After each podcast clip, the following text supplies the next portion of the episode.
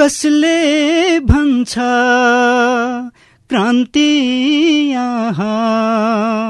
सफल हुँदैन।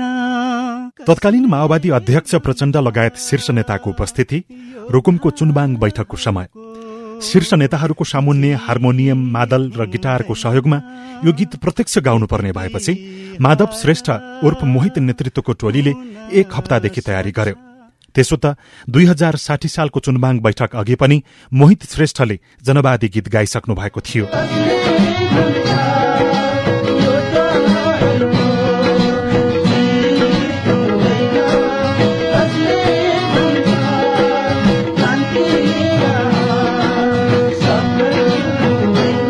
खारा बेनी लगायतका लडाईँमा पार्टीले बेहोरेको उल्लेख्य क्षतिको घाउ आलो छँदै अहिलेका प्रदेश पाँचका सभामुख पूर्ण घरतीको शब्द आफ्नै संगीत र स्वरमा साथीहरूसँग कसले भन्छ यहाँ क्रान्ति सफल हुँदैन बोलको गीत गाएपछि मोहितको चर्चा एक्कासी चुलियो।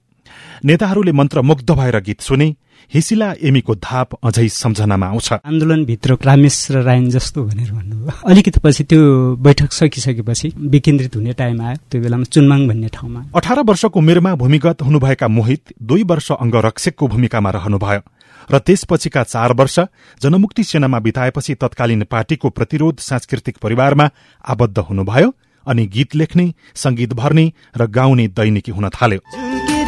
जुन हैन हामीलाई दिनको घाम चाहियो। बित्न थाल्यो भोकै जुनी अब हामीलाई माम चाहियो। क्षेत्रीय स्तरको प्रतिरोध र केन्द्रीय स्तरको सामना परिवारमा गरी झण्डै छ वर्ष गायनमा बिताएपछि पार्टीमा देखिएको उतार चढाव कलाकारप्रतिको हेराई बुझाइ निहाल्दै गर्दा गायक मोहितलाई लाग्न थाल्यो कि गीतका शब्दले मात्रै क्रान्ति गरेर नपुग्दो रहेछ। कोही धनी कोही गरिब नहुने समानताको विषय थियो। त्यस्तो हुन्छ भन्ने सपना बोकेर हामीले गीत पनि हामीले त्यस्तै गायौँ। त्यस्तो चाहिँ पछिल्लो चरणमा हामीले क्रान्ति हारेको जस्तो महसुस मलाई भयो। दुई हजार पैसठी पछिको समयमा त यति निराशा छायो कि गीत गाएर पाएका पुरस्कार प्रमाणपत्र सम्मान जति सबै खाल्डोमा गाड्नुपर्ने भयो। दश वर्ष अघिका ती दिन सम्झदा गायक तथा संगीतकार मोहितलाई आँसु थाम्न मुस्किल हुन्छ। कुनै पनि मेरा भावी पुस्ताले छोराछोरी कसैले पनि नगरून् भन्नेसम्म पुगेँ म। मलाई त्यस्तो खालको फ्रस्ट्रेसन पैदा भयो। आफ्ना श्रोताहरूलाई बिर्सिसकेका थिएँ। दर्शक श्रोताहरू साथीभाइ सबैलाई बिर्सिने अवस्था जस्तो भयो। फिल्म डाइरेक्सनको प्रमाणपत्रहरू थियो त्यो पनि खाल्टोमा हालेँ पछि मेरो भिनाजुले चाहिँ तिनलाई यस्तो यस्तो गर्नुहुन्न भनेर खाल्टोबाट धुलो तकतक्याउँदै राखिदिनु भयो अहिले मसँग सुरक्षित छन् तिनीहरू। यस्तो वेदना त हजारौँ कलाकारहरूले भोग्यो होलान् तत्कालीन सशस्त्र द्वन्द्वप्रति नेता कार्यकर्ता समर्थकको लगाव जोगाइराख्न कलाकारको ठूलो भूमिका थियो। तर शान्ति प्रक्रिया हुँदै अहिलेसम्म आउँदा सीमित बाहेकका कलाकार पलायन र चरम निराशामा रहेको उहाँको बुझाइ छ। म त गुमनाम नै भए। पार्टीसँग संगठनसँग जोडिएर गर्ने साथीहरूलाई केही लाभ भयो कि भएन त्यो मलाई थाहा छैन। म जस्ता सयौं साथीहरू चाहिँ आन्दोलनभन्दा बाहिर छन् अहिले बेरोजगार छन्। उनीहरूको जिन्दगी हेर्दाखेरि त सम्बोधन भएन नै भन्ने कुरा प्रमाणित हुन्छ। राजनीतिबाट अलग भइसकेपछि जनवादी कलाकारको परिचयले बाँच्न नसकिने भयो। र त माया प्रेमका गीतमा पनि काम गर्नु परेको मोहित सुनाउनुहुन्छ। पछिल्लो चरणमा चाहिँ यो लाइफसम्म आउँदाखेरि यो उमेरसम्म आउँदाखेरि केही नगरे पनि कमसेकम इतिहासमा बाबाले चाहिँ यो धन्दा चाहिँ गरेछ है।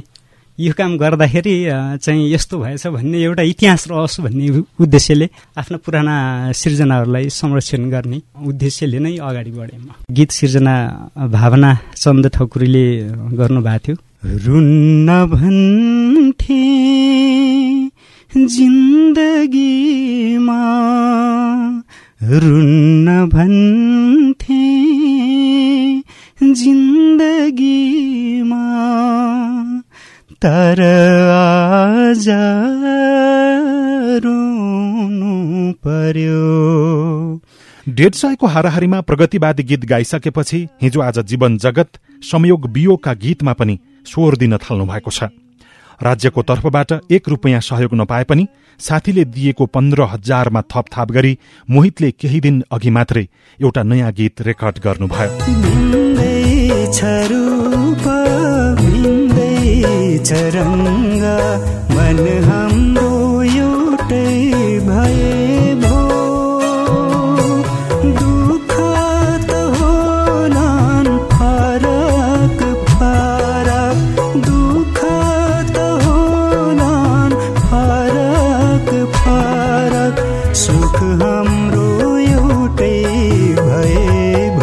रोल्पा जङकोट आठ नम्लीमा जन्मे पनि हाल दाङको घोराईमा बस्दै आउनुभएका उहाँले जीविकोपार्जनका लागि कुखुरा पालन गर्नुभयो।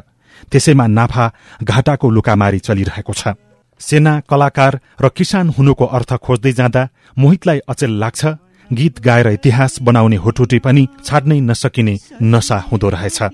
लील प्रकाश चन्द सीआईएन काठमाडौँ। यो मनको परेलीमा सजिएको गीत सुनाउँछु। आमाको असिकमा